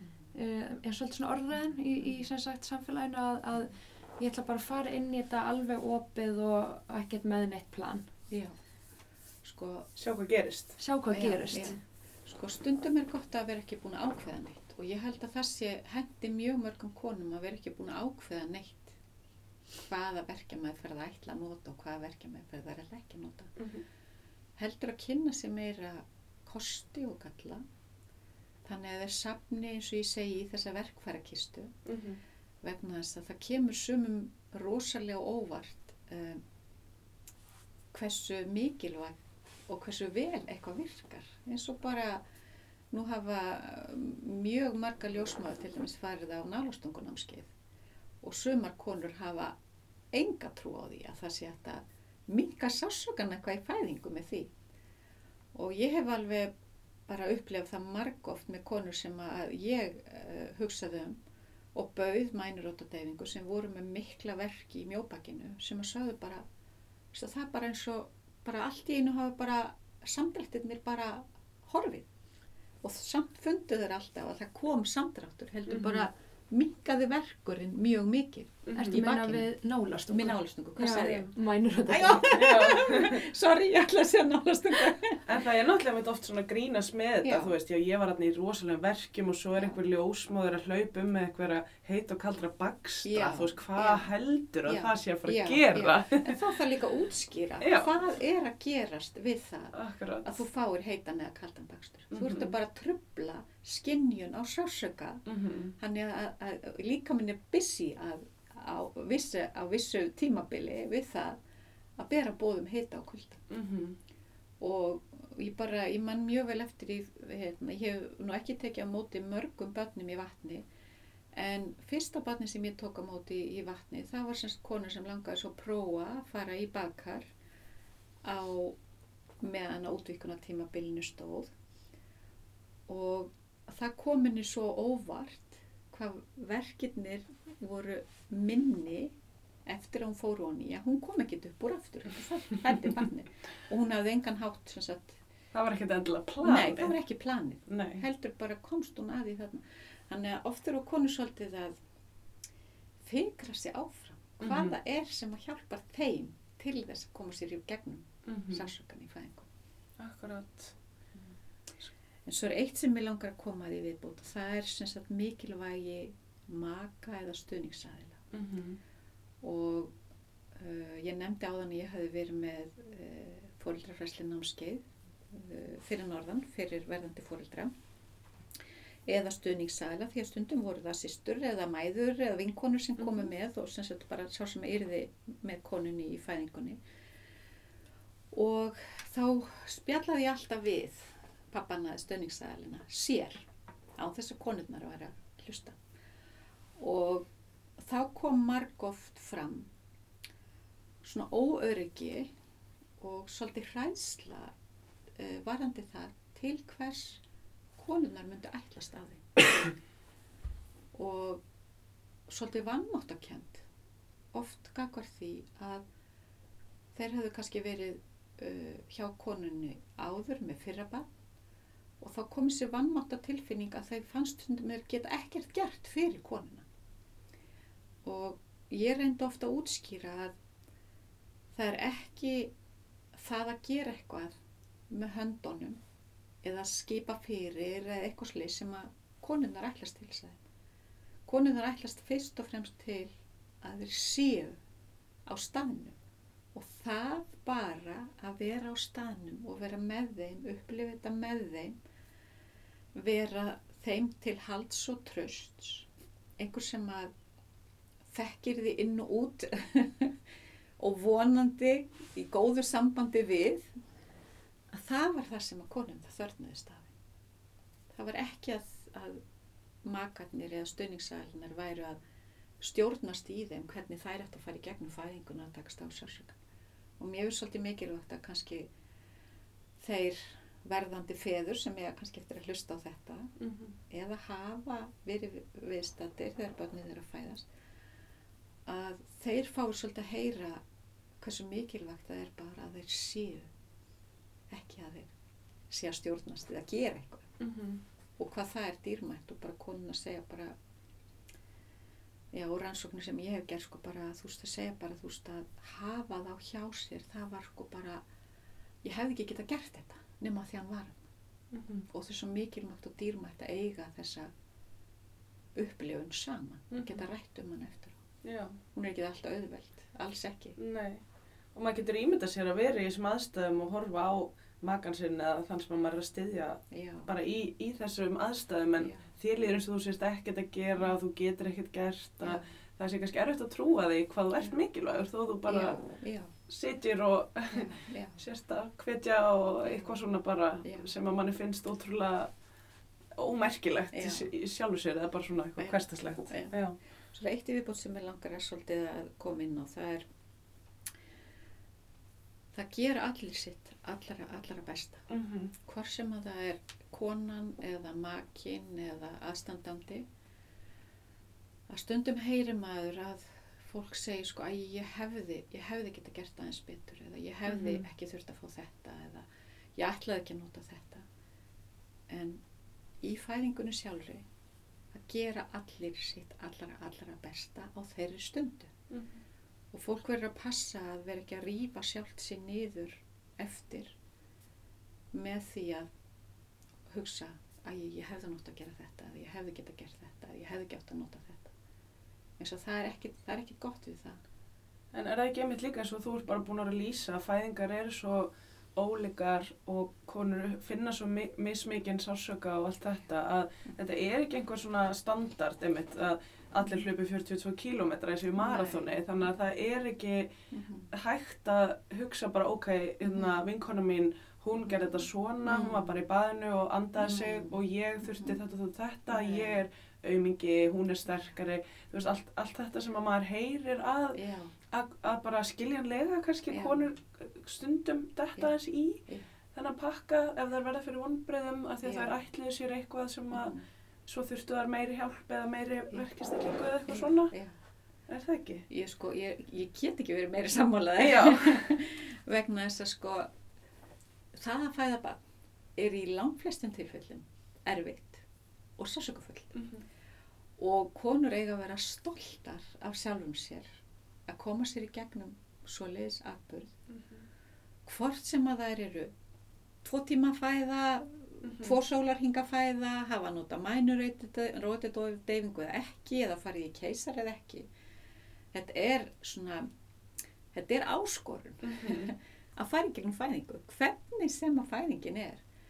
Og uh, við erum, hvað segja, við verðum að reyna að hugsa þetta alltaf á þessum jákvæði nótum í staðin fyrir að reyna að pikki eitthvað sem er neikvægt. Við verðum, og það, þannig, það gildir auðvitað held ég í öllu lífinu. Já, akkurat. Við eigum einhvern veginn að, hérna, við gerum okkar besta Mm og uh, það er eitt til dæmis bara sem að eh, við höfum mikið verið að tala um í dag að það er sem sagt kvíði fyrir fæðingu sem að er bara vaksandi vandamál og margir hafa verið að reyna kannski að greina pínlítið sem sagt hvaða er, af hverju stafar kvíðin og það er sagt flóki mál og ég er engin sérfræðingur í því. Það er hérna ljósmóður sem að, hérna, og marga ljósmóður sem hafa verið að rannsaka það og mikið, mikið, sagt, hérna, svona skipulaðari hátt heldur en, heldur en ég.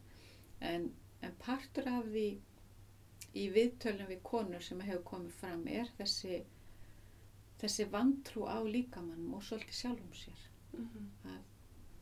muna bara að ef maður undirbýr sér vel þá eigum maður líkur á því að þetta gangi vel og það skiptir líka máli spínliti hvar maður er stattur í lífinu að lífið er ekkert svona bein lína Nei. við getum verið já, líku við eins og við séum búin að hlaupa 42 km og svo standum í marklínu og orgum að ánægju og endorfíni alveg upp úr öllu valdi sumadaga Mhm. eða sum tímabil í lífin okkar Mhm. svo kannski þegar við erum að takast á við eitthvað sem er erfitt í lífinu þá kannski erum við ekki eins svona ána með sjálf okkur Mhm. og þannig er bara lífið við, við verðum einhvern veginn að takast á við það þar sem við erum en þessi undirbúningur skiptir öllu máli alveg sama erum stönd Mhm. þannig að ég já, ég held að svona það sé eitthvað sem að þarf að fókusera meira á ekki týna bara til alla fylgikvillana og allt það sem að allt þetta sem getur Varandi allt þetta sem er í bóði og svona. já, Já, akkurat. Akkurat, það eru örgulega góð skilabóð fyrir konur, sko. Mhm. Þegar maður hefur heyrt að, að hérna, að það verð, sé svona ákveðin kannski skömm upp með einhverja, þú veist, hjá einhverjum konum, þú veist, það er upplifað eftir á að ég fekk mér deyfing, mænur deyfinguna og, og þannig að þá kannski sem ég skil mér vel ef að maður er kannski búin að fæða einu sinni, fekk, fekk mænur deyfinguna og hafði kannski einhver upplifun fram að henni bara, einmitt, þú, það er alltaf ástæða fyrir að þú, þú bara þurftir hann á þeim tímapunkti, þú varst búin með allt hitt í verkverðarkistunniðinni, Já. þú veist, það var það sem að. Var mikilvægt fyrir þig á þessum tíma að þá kannski fari þú veist, svo manneski áfram og sé eitthvað svona að um, að tala bara eins og það sé fáranlegt að gera þetta án þess að fá deyfinguna og æskiliði að það Mhm. verði svona hérna, þú veist, já þið verði bara að fá okkur þessu deyfingu og það verði allir að gera það en þú veist, það er líka erfitt af því að þú veist, svo eru bara allir hinnar Mhm. fæðingarnar ólíkar já, Þannig að maður getur fundið alls konar lesefni eða svona það sem að það er búið að taka ákveðin afstöðu í, í hináttina líka eða þú veist í þessum já, málum. já. En sko, ég, sagt, ég er, er nýkomin af ráðstöfnu norræna siðfræðinga þar sem var verið að tala um fæðingar í, í dreifðum byggðum. Mm -hmm. og það var sagt, fólk þarna allstæður á heiminum að tala og mjög skemmtilega ráðstöfna og þar var meðal annars tekið sem dæmi sko að hérna að þú notar ekki drastískar aðgerðir nema sér þarf á þeim Mhm. og það á auðvitað við keisara og mænrótadeyfing og fleiri inngrip að það þarf að vera ástæða fyrir því að svoleiðis inngrip eru notuð vegna þess að alveg sama þó að flestir keisaraskurði gangi vel og flestar mænrótadeyfingar hafi ekki alvarlegar afleðingar fyrir heilsu konunar þá getur það gerst Mhm. og, og allt sem að í raun og veru er óþarfi að, að, hérna, að nota ættum við ekki að vera að nota og við eigum að vera að nota aðra þætti sem eru til góðs fyrir heilsu konunar og efla þá áður en það er farið að nota eitthvað, einhverja drastiskar aðgerðir Mhm. og ég vona að sko nú er búið að vera í umræðinni þó nokkuð í gegnum árin sko uh, þetta svona hvað segja svona þessi vombriði sem að sumar konur segja frá ef þær hafa þurft að nýta mænrótadeyfingu eða þurft að fara í keisara Mhm. að það hafi á einhvern hátt uh, áhrif á þeirra sjálfsmynd en ég vona heilbrið starfsfólk sem duglegt að styðja við bakið á þeim konum og ræða þetta við þær sem, mm sem hafi þessar upplifunar eftir fæðinguna. Vegna þess að í flestum tilfellum er verið að nota þetta því það er mikil þörf á því og konan kemst ekki gegnum fæðinguna nema sé verið að nota þetta. Allavega er hér á Íslandi er svona, já við getum nokkur neginn sagt að það er svona staðrendir hér Mhm. þó að það sé kannski að aukast bæði gangsetningar og mærirótadeyfingar Mhm. og við þurfum að hugsa okkur vel um á hvaða leið við erum. Mhm. Er þetta bara hækka og hækka og hækka næstu árin eða erum við að staldra við og hugsa er þetta rétt hjá okkur? Erum við að gangsetja? Erum við að nýta mærirótadeyfingar uh, fyrir þær konur sem að virkilega þurfum við að halda? Já. þurfum við að stoppa, þurfum við að fjölga til dæmis bara komum í meðgönguvend hjá konum uh, eigum við að fara að taka sumar komur í meðgönguvenduna engungu til þess að ræða um uh, sásöka í fæðingu eða Mhm. hvernig konan getur undirbúið sig því það er alveg jafn mikilvægt eins og það að gá hvort að blóðþyrstingurinn hennar hefur hækkaður lítið eða, eða hvað það er að Mhm. við þurfum að gera meiri kröfur á okkur sem heilbrið starfsmenn heldur en það að við séum bara að tekka á því hvort að móður eða barn lifir eða deyr. Mhm. Þjónustan okkar á að vera af hærri standard og er það alla jafna að hærri standard heldur það.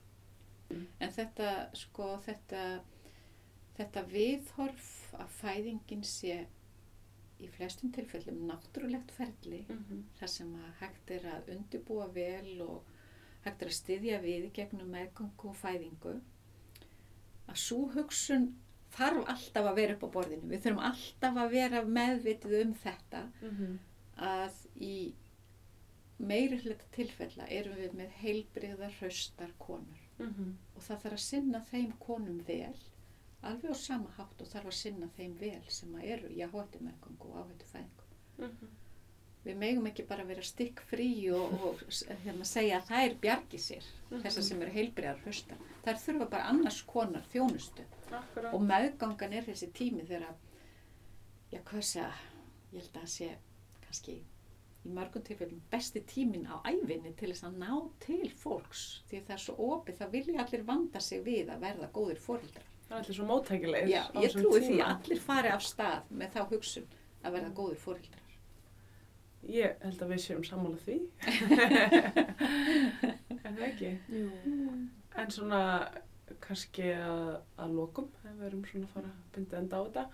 Hva, hvað heldur þú að sé svona mikilvægast eh, varandi svona mælikvarðan á hvað er góð fæðing, hvenær gekk hún vel, eða skilur að maður að spyrja hérna, hvernig gekk, já bara rosa vel mm. og svo kemur kannski allt önnur saga en maður held, þú veist, já það var, þurfti aðeins að hjálpa með sóklukku og Mm. var hann aðeins klift og já og bla bla bla bla Mhm. en þetta var aðeinslegt og gekk svo vel Já. versus að eitthvað alls konar að hérna, hvað heldur að sé svona Mhm. mikilvægast í þessu Sko í mínum huga verður það alltaf upplifun konunar sjálfrar sem er Mm. mælikvarðan og hvað er góð fæðing. já, akkurat Og, og mín reynsla í gegnum árin er það að, að mænirótadeyfingin eða keisarinn eða eðlilega fæðingin eða baðið er ekki mælikvarð á hvað er góð fæðing eða Nei. lengdennar á Nei. neitthátt. Heldur hvernig konan gengur í gegnum þetta, hvernig henni hefur liðið Mhm. í gegnum þetta ferli, hvort sem það hefur tekið tvo tíma eða 22 tíma, að það er það sem er besti mælikvarðin Mhm. og það er líka besti mælikvarðin á gæði þeirra þjónustu sem við heilbyrðstarfsfólki erum að veita. Mhm. Því að ef að kona gengur í gegnum þetta og hún fer út með þessa hugsun að hún hafi átt góða fæðingu, alveg sama hvernig hún hafi verið, hversu langan tíma hún hafi verið, þá eru við að sinninni vel. En ef, við, ef hún gengur ekki út með þá uh, hugsun, Mhm. þá þurfum við að hugsa og við eigum alltaf að vera að hugsa hvað getum við gert og vera svolítið krítisk á hvernig við sinnum konunni eins og til dæmis tíðni mænrótadeyfinga eða yngripa í fæðingu að það sé mikilvægt að við fylgjumst vel með því. Mhm. Algjörlega. Takk fyrir að koma og deila með okkur þekkingunni henni Sigfriður. Verðið ykkur góðu, mjög gaman að koma til ykkar. bara góða ferð norður Já.